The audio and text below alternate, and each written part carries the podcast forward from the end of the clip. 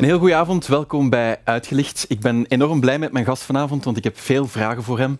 Wellicht meer vragen dan hij antwoorden kan en mag geven. Bijvoorbeeld de vraag hoe het komt dat er pas na drie maanden een verdachte werd aangehouden in het dossier rond de drievoudige moord in Kesselo en waarom er nog altijd geen verdachte lijkt te zijn bij de dodelijke aangestoken brand in het eh, rusthuis Sint-Rochus in Aarschot ook afgelopen zomer. U kan het misschien al een beetje raden. De gast vanavond dat is de procureur des Konings van het parket in Leuven. Zeg maar de korpschef van de verschillende magistraten. En sinds een half jaar is dat uh, Hans van Espen. Goedenavond, meneer van Espen. Welkom. Goedenavond. Ik maak nog even de opsomming af. Afgelopen zomer ook nog dreigtelefoons, bommelding bij Bosch in Tiene. Ik kan me voorstellen dat uw eerste zomer aan het roer van het parket meteen een heel pittige was. Of lijkt dat alleen maar zo? Het is altijd uh, druk op het parket van, uh, van, van Leuven ook. Uh, het is zeker een drukke zomer geweest, absoluut. Dus er zijn heel wat nieuwe dossiers opgestart, dat klopt. Ja, want bij die moord in Kesselo, daar werd dan na drie maanden dan toch een verdachte aangehouden, die blijkbaar eerder ook al ondervraagd was, toen opnieuw werd vrijgelaten. Voor een kijker kan ik me voorstellen, is dat misschien wel een beetje vreemd. Hoe komt het eigenlijk dat er zo lang niet echt een schot lijkt geweest te zijn in die zaak? Dat kan misschien zo uh, lijken, maar uh, dat soort dossiers wordt uh, zeer grondig aangepakt van, van bij aanvang. En wanneer er dan een doorbraak is, dan kunnen wij daarmee naar buiten komen en dan kan er gecommuniceerd worden over andere aspecten van het dossier. Kan absoluut niet gecommuniceerd worden, mm -hmm. zeker niet in, in, in dit stadium. Um, maar op zich is het belangrijk dat er doorbraken gerealiseerd worden natuurlijk in, in deze dossiers. Ja, en die zijn er dan nu wel gekomen. Want ook bij die brand in Sint-Rochus lijkt er nog geen verdachte te zijn. Nu, dat is natuurlijk een dader die nog vrij rondloopt, mogelijk opnieuw feiten zou kunnen plegen. En je zou kunnen denken, goed, daar zijn camerabeelden.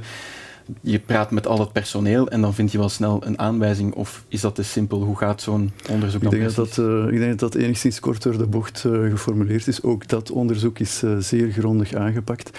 En we zullen daarover communiceren wanneer de tijd daarvoor rijp is. Ja, maar hoe, hoe loopt zo'n onderzoek dan, als u dat moet schetsen in het, in het algemeen? Want over die dossiers kan u niks zeggen, maar... Over de inhoud van die dossiers kan ik niks zeggen. Inderdaad, hoe dat zo'n onderzoek loopt, dat, daar kan ik natuurlijk wel iets over vertellen.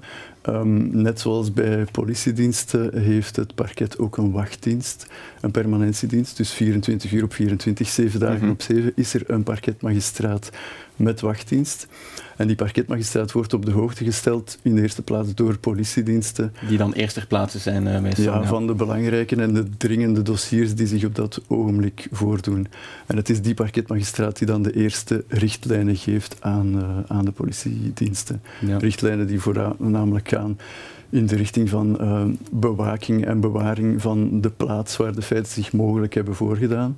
En want we worden op de hoogte gesteld van uh, misdrijven, maar ook van mogelijke misdrijven, van bijvoorbeeld een uh, zware brand waar u naar verwijst in, in dit geval. Mm -hmm. En dan moet die, die parketmagistraat de leiding nemen van het strafonderzoek op dat ogenblik en de eerste richtlijnen geven.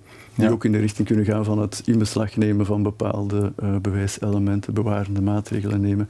Het horen van getuigen, het horen van slachtoffers eventueel, ja. tot en, de eventuele arrestatie van verdachten. Ja. En is het dan zijn. omdat het parket aanvoelt van goed, we hebben misschien wel iemand op het spoor, maar we hebben de indruk dat we nog niet sterk genoeg staan met ons bewijsmateriaal, dat ze daarom zeggen van goed, ja, we kunnen die persoon eigenlijk nog niet, uh, nog niet oppakken, want anders, ja, door procedurefouten of zo, is hij misschien weer, weer vrij. Is, is, het, is het dat ook vaak?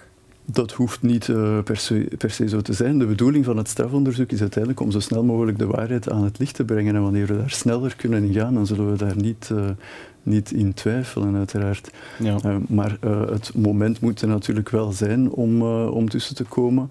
En inderdaad, er zijn verschillende aspecten mogelijk. Er zijn verschillende redenen mogelijk waarom er niet onmiddellijk een verdachte kan aangeduid worden. Ja, oké. Okay. En over die dossiers, daar horen we misschien nog wel iets over als ze dan uh, afgerond zijn uiteindelijk. Um, er zijn nog wel wat zaken waar aan gewerkt wordt, uiteraard bij het parket. Al uh, jarenlang zelfs. Cold cases heten ze, moordzaken bijvoorbeeld, waar dus van jaren geleden waar nog altijd geen dader in is gevonden. Wij doken in ons archief op zoek naar een van de bekendste van die cold cases uit onze regio. En dat is de verdwijning van Tamara Morris. Ze was 26 jaar toen ze verdween in 2006 in Aarschot. Vanaf maart 2006 hangt Aarschot en omstreken voor maanden vol met deze flyers en affiches. Er is nog altijd geen nieuws over Tamara Morris uit Aarschot. De vrouw van 26 verdween op vrijdag 17 maart en sindsdien ontbreekt elk spoor. Tamara Morris had afgesproken met haar vriend met wie ze samenwoonde om smiddags te gaan lunchen. Maar Tamara kwam daar nooit aan. Nu kan ik alleen maar afwachten. De voorbije week heb ik nog kunnen bezighouden met hier te flyeren, daar te flyeren. Nog wat foto's toe te voegen aan de website. Man, ja, of iets gaan te zoeken op bepaalde plaatsen, maar we zijn overal tien keer geweest en de elfde keer dat is vrij nutteloos. Dus ik sta momenteel machteloos. In het gasthuisbos in Pellenberg bij Lubeek heeft de politie de hele dag lang tevergeefs gezocht naar de verdwenen Tamara Morris. In die streek werd voor het laatst een signaal ontvangen van de gsm van Tamara. Maanden na de zoekacties pikte Mast opnieuw haar gsm-signaal op, met een andere simkaart. Iemand had de gsm gekocht op een tweedehandsmarkt, maar de verkoper wordt niet gevonden. En er volgt nog een spoor. Er is een nieuw spoor in de verdwijning van Tamara Morris uit Aarschot. Haar portefeuille is teruggevonden. De portefeuille wordt gevonden in de buurt van het Chartreuzebos door wandelaars. Maar ook dat spoor loopt dood. In 2009, ongeveer drie jaar na haar verdwijning, wordt er een lichaam gevonden in een bos in het Waalse Hoei. vandaag hebben we ook uitsluitsel gekregen via DNA-onderzoek dat het wel degelijk om Tamara Morris gaat. Het is zo dat de verdwijning eh, verdacht was omwille van het feit dat ze plots gebeurde vanuit een bepaalde thuissituatie. Ook het aantreffen van het lichaam op die locatie is ook verdacht. Maar anderzijds zijn er dan ook geen duidelijk waarneembare sporen van geweld aangetroffen op het lichaam. Dit betekent in C dat alles nog open ligt en dat de speurders ook met alles rekening houden. Wordt in 2006 onder meer gekeken naar een link met het bodybuildersmilieu, waar verboden producten in rondgaan. Tamara Morris werkte voor een bedrijf dat bioproducten invoerde. Maar het bleef een piste. Ruim 16 jaar na haar verdwijning is het nog altijd niet duidelijk wat er precies met Tamara Morris is gebeurd.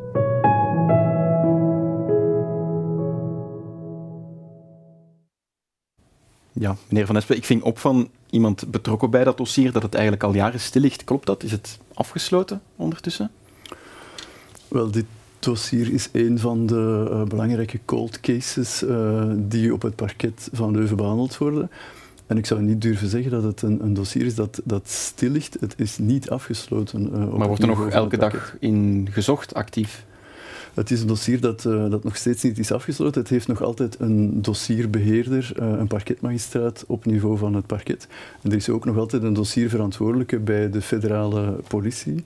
Um, dus dat betekent dat het dossier voor ons niet is afgesloten. Het is um, integendeel uh, recent nog gedigitaliseerd. Dat betekent dat het dus niet ergens uh, stof ligt te vergaren in een archief van het mm parket van Leuven, maar dat het actief kan benut worden op dit ogenblik. Het is ook beter doorzoekbaar ja, geworden als het dossier zelf. Wordt het nog benut op dit moment? En het zal zeker benut worden op het ogenblik dat er, dat er nieuwe elementen zich voordoen, ja. of dat er bijvoorbeeld aan de hand van nieuwe technieken opnieuw kan gezocht worden naar onderdelen van het, van, het, van het dossier. Ja, maar van waar zou die doorbraak dan nog, want het is 16 jaar geleden, van waar zou die doorbraak dan nog moeten komen op dit moment? Dat is moeilijk om op dit moment te zeggen, um, maar anderzijds zijn er wel voorbeelden van andere dossiers die als uh, cold case op het uh, parket van Leuven gebleven zijn en waar wij toch uh, na heel wat jaren nog doorbraken in hebben kunnen realiseren. Dus het is nooit uit te sluiten dat ook dat in dit dossier zou kunnen gebeuren. Dat en wij toch hopen dat natuurlijk ook ten zeerste. Ja, want hoeveel van die cold cases zijn er? Dat zijn vaak moorddossiers, uh, neem ik aan. Hoeveel zijn er zo ongeveer bij het parket in Leuven?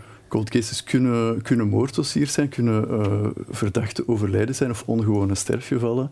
Het kan ook gaan om onrustwekkende verdwijningen.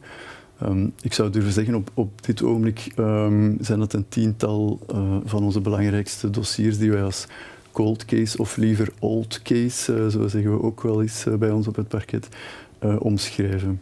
Old cases, omdat het wel uh, oude dossiers zijn, maar geen dossiers die ons koud laten. Het, het blijven belangrijke dossiers voor ons. Oké, waar nog wat onderzoek in moet uh, gebeuren dan. Goed, laten we het eens hebben over wat andere zaken, want het parket doet uiteraard meer dan moordzaken en de zaken die in uh, de media komen. Ja. Laten we eens wat cijfers bijhalen. hier op het scherm jaarlijks ongeveer een instroom van 24.000 strafzaken. Dat zijn dan de correctionele dossiers. Enkele voorbeelden, ongeveer 2300 gevallen van familiaal geweld, 2700 gevallen van oplichting, voornamelijk uh, online is dat tegenwoordig. Verkeersdossiers 40.000 ongeveer per jaar, dan nog jeugddossiers 6.000, waarvan dan de helft um, gevallen zijn misdrijven echt gepleegd door minderjarigen en de andere helft verontrustende opvoedingssituaties zijn, kinderen die geplaatst worden bijvoorbeeld. Nu, meneer Van Espen, het zijn natuurlijk cijfers. Er gaan altijd persoonlijke verhalen, tragedies achter schuil. Mhm. Maar welk cijfer baart u eigenlijk het meeste zorgen? Wat is voor u de prioriteit als u die cijfers bekijkt? Wel, um, de cijfers zijn belangrijk om, om op te volgen, uiteraard. Hè. Maar de cijfers zijn uh, wat ze zijn. Wij moeten die, die misdrijffenomenen natuurlijk in kaart brengen. Um, maar ik kan wel zeggen dat die cijfers de, de afgelopen jaren eerder stabiel lijken te blijven wat de meeste misdrijffenomenen betreft. Ja, dus niet echt per se een stijging in, in het aantal niet, zaken dat niet, uh, niet per se, vind ik. Uh, of toch niet noemenswaardig. Dus wat, wat mij uh, persoonlijk het, het, als procureur des Konings het meeste zorgen baart, is de criminaliteit die niet in deze statistieken voorkomt. Wij zijn vooral bezorgd om de criminaliteit die niet tot bij de politie of bij het parket geraakt. Um, dus deze cijfers zijn vaak een onderschatting ik denk, het, ik, denk het, ik denk het wel. Ik denk het wel. Um, wij zien ook uh, wanneer bijvoorbeeld een zorgcentrum na seksueel geweld wordt opgestart, dat de aangiftebereidheid van slachtoffers blijkt te stijgen. Ja. Dus dat betekent dat er toch nog wat uh, verborgen criminaliteit is. Dat is in Leuven zo het geval, hè? Wel, we zijn daar... We zijn daar uh, u bedoelt wat het zorgcentrum ja. betreft, is, het in, is het in Leuven zo, zoals ook op andere plaatsen waar zorgcentra zijn opgericht, dat blijkbaar de aangiftebereidheid van slachtoffers stijgt wanneer er een dergelijke professionele omkadering voorzien is. Mm -hmm. Dus dat betekent dat er toch nog mogelijkheden zijn om die aangiftebereidheid te laten toenemen. En belangrijk daarbij is denk ik om, om, om te onderlijnen dat mensen moeten weten dat uh, politie en parket dat uh, ernstig nemen, dat uh, het doen van aangiftes belangrijk is, ook in een vroeg stadium. Ook wanneer u denkt, misschien is het nog te vroeg om een aangifte te doen uh, is het toch belangrijk om, om daar te durven melding van te maken. Ja. Want ik vrees dat er uh, heel wat, uh, wat leed binnen vier muren bestaat waar wij toch nog geen, geen kennis van hebben, omdat men niet durft aangifte te doen. Ja, en wat zou u dan doen om die drempel te, te verlagen, om mensen sneller naar justitie te trekken? Wel, dus uh, zo'n zorgcentrum is, is, een, is een, een hele professionele uh, aanpak voor een, een bepaald type van, uh, van criminaliteit. En het is niet uit te sluiten dat dat model gevolgd wordt, ook voor andere soorten van criminaliteit. Ik denk maar aan het intrafamiliaal geweld. Uh, ja, daar zou u voor pleiten, voor echt zo'n ook een soort van zorgcentrum na familiaal geweld? Dan, absoluut, uh, absoluut. Ja, ja, ja. En, en, waar zou dat dan moeten komen? Ook gelinkt aan het UZ Leuven? Of, of hoe ziet u dat precies? Het zorgcentrum na seksueel geweld is al sinds in de schoot van het UZ Leuven opgericht. een, een, een, een gelijkaardig forensisch centrum voor intrafamiliaal geweld zou kunnen uh, gelinkt zijn aan, de, aan het ziekenhuis, maar dat hoeft niet, uh, hoeft niet per se het geval te zijn. Ja. Uh, er, er, zijn zeer goede contacten op, op dit ogenblik en er worden ook initiatieven genomen op, op niveau van de Vlaamse minister van Justitie voor oprichting van een dergelijk centrum. en dat hoeft niet per se gelinkt te zijn aan, aan het UZ okay. Maar we sluiten dat natuurlijk niet uit. Hè. Op dit moment is daar nog geen, uh, zijn die plannen nog niet concreet en er is zeker nee, nog Maar u zou het uh, graag zien komen in uh, Ik denk in dat, dat, dat dat een professionele aanpak is en dat we vaststellen dat dat de aangiftes kan doen toenemen. Ja, oké. Okay. Nu, justitie, dat zal ook niet de eerste keer zijn dat u dat hoort, heeft natuurlijk ook een beetje het imago van traag nogal log te zijn. Is dat terecht? En zo ja, wat, wat zou u daar aan willen veranderen? Ja, het is een... Het is een veelgehoorde eh, opmerking of het is een adjectief dat al te automatisch wordt gekoppeld aan, aan justitie en een, trage werking. Terecht ook? Ik vind het, uh, ik vind het niet, uh, niet langer terecht op, op, op dit ogenblik. We moeten ook wel duidelijk maken dat het ook belangrijk is om kwaliteitsvol te werk te gaan. Er moet professioneel gewerkt worden. Wij kunnen het ons niet permitteren om over één nacht ijs te gaan, hè, om, zoals in uw eerste vraag, verdachten aan te duiden wanneer er nog geen concreet element voor uh, bestaan. Uh, dat kan enorme schade met zich uh, meebrengen die wij willen vermijden. Anderzijds is snelheid wel degelijk belangrijk. Hè. Dus die perceptie zouden we willen keren van traagheid, snelheid. Op welke manier dan? Wij belangrijk. Zijn daar projecten op til? Wel, er, er, zijn initiatieven. Uh, op dit ogenblik hebben wij een uh, project opgestart, heel concreet, in samenwerking met de politiezone Leuven. Um, waar wij er naar streven om, en dat is toch ook een van de prioriteiten voor het parket van Leuven, de, de, de, aanpak van de veel voorkomende lokale criminaliteit, om die sneller te laten verlopen. Kwaliteitsvol, maar toch ook snel. Snelheid is uiteraard ook een onderdeel van, uh, van mhm. kwaliteit. Um, en op welke manier? Um, Maak dat eens concreet. Wat, wat, is dat pilootproject precies? Wel ja, want het gaat natuurlijk niet alleen om, om, om snelheid, het gaat ook om een, een, een aanpak op maat, een, een, een aangepaste behandeling van het dossier. En misschien illustreren met, met, een, met, met een voorbeeld. Uh, iemand pleegt feiten van uh, bijvoorbeeld um, opzettelijke slagen en verwondingen in het uitgaansmilieu in, in Leuven. Er is een slachtoffer. Een slachtoffer heeft lichamelijke, maar bijvoorbeeld ook materiële schade. We hebben een afspraak met de politiezone Leuven dat er in dergelijke dossiers um, een gespecialiseerd team ervoor zal zorgen dat dat dossier dan binnen een tweetal maanden afgewerkt uh, geraakt. En dat er dan uh, onmiddellijk daarop volgend al een, een contact is tussen uh, de verdachte en de parketmagistraat bevoegd voor het dossier, die onmiddellijk ook aan die verdachte de richting kan meedelen waarin uh, het dossier zal gaan voor wat ja. het parket betreft.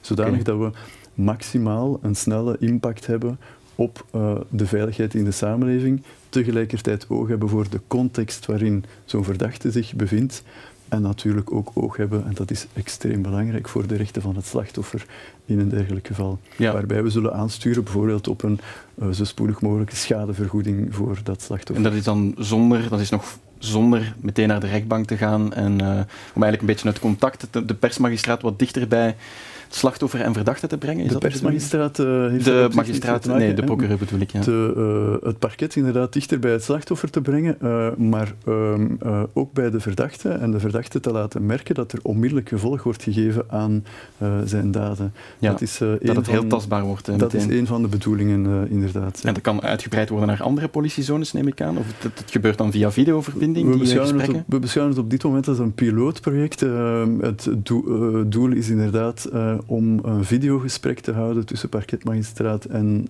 verdachte. Dat klopt. En wanneer het, uh, het, het werkt, wanneer we tevreden zijn over de resultaten, dan bestaat zeker de mogelijkheid om het over het hele arrondissement uit te rollen. Oké, okay. ja, veelbelovend project in ieder geval. Misschien afrondend. We hebben nog niet heel veel gezien in de media. Het is denk ik de eerste keer dat u in een tv-studio zit. Is dat een bewuste keuze geweest? Ik denk niet dat het uh, de opdracht is van het parket om ernaar te streven om veel in tv-studio's te komen. Wij moeten natuurlijk voornamelijk communiceren via onze persmagistraten en willen communiceren ook met resultaten in uh, dossiers die we wel degelijk behalen, denk ik, in belangrijke dossiers.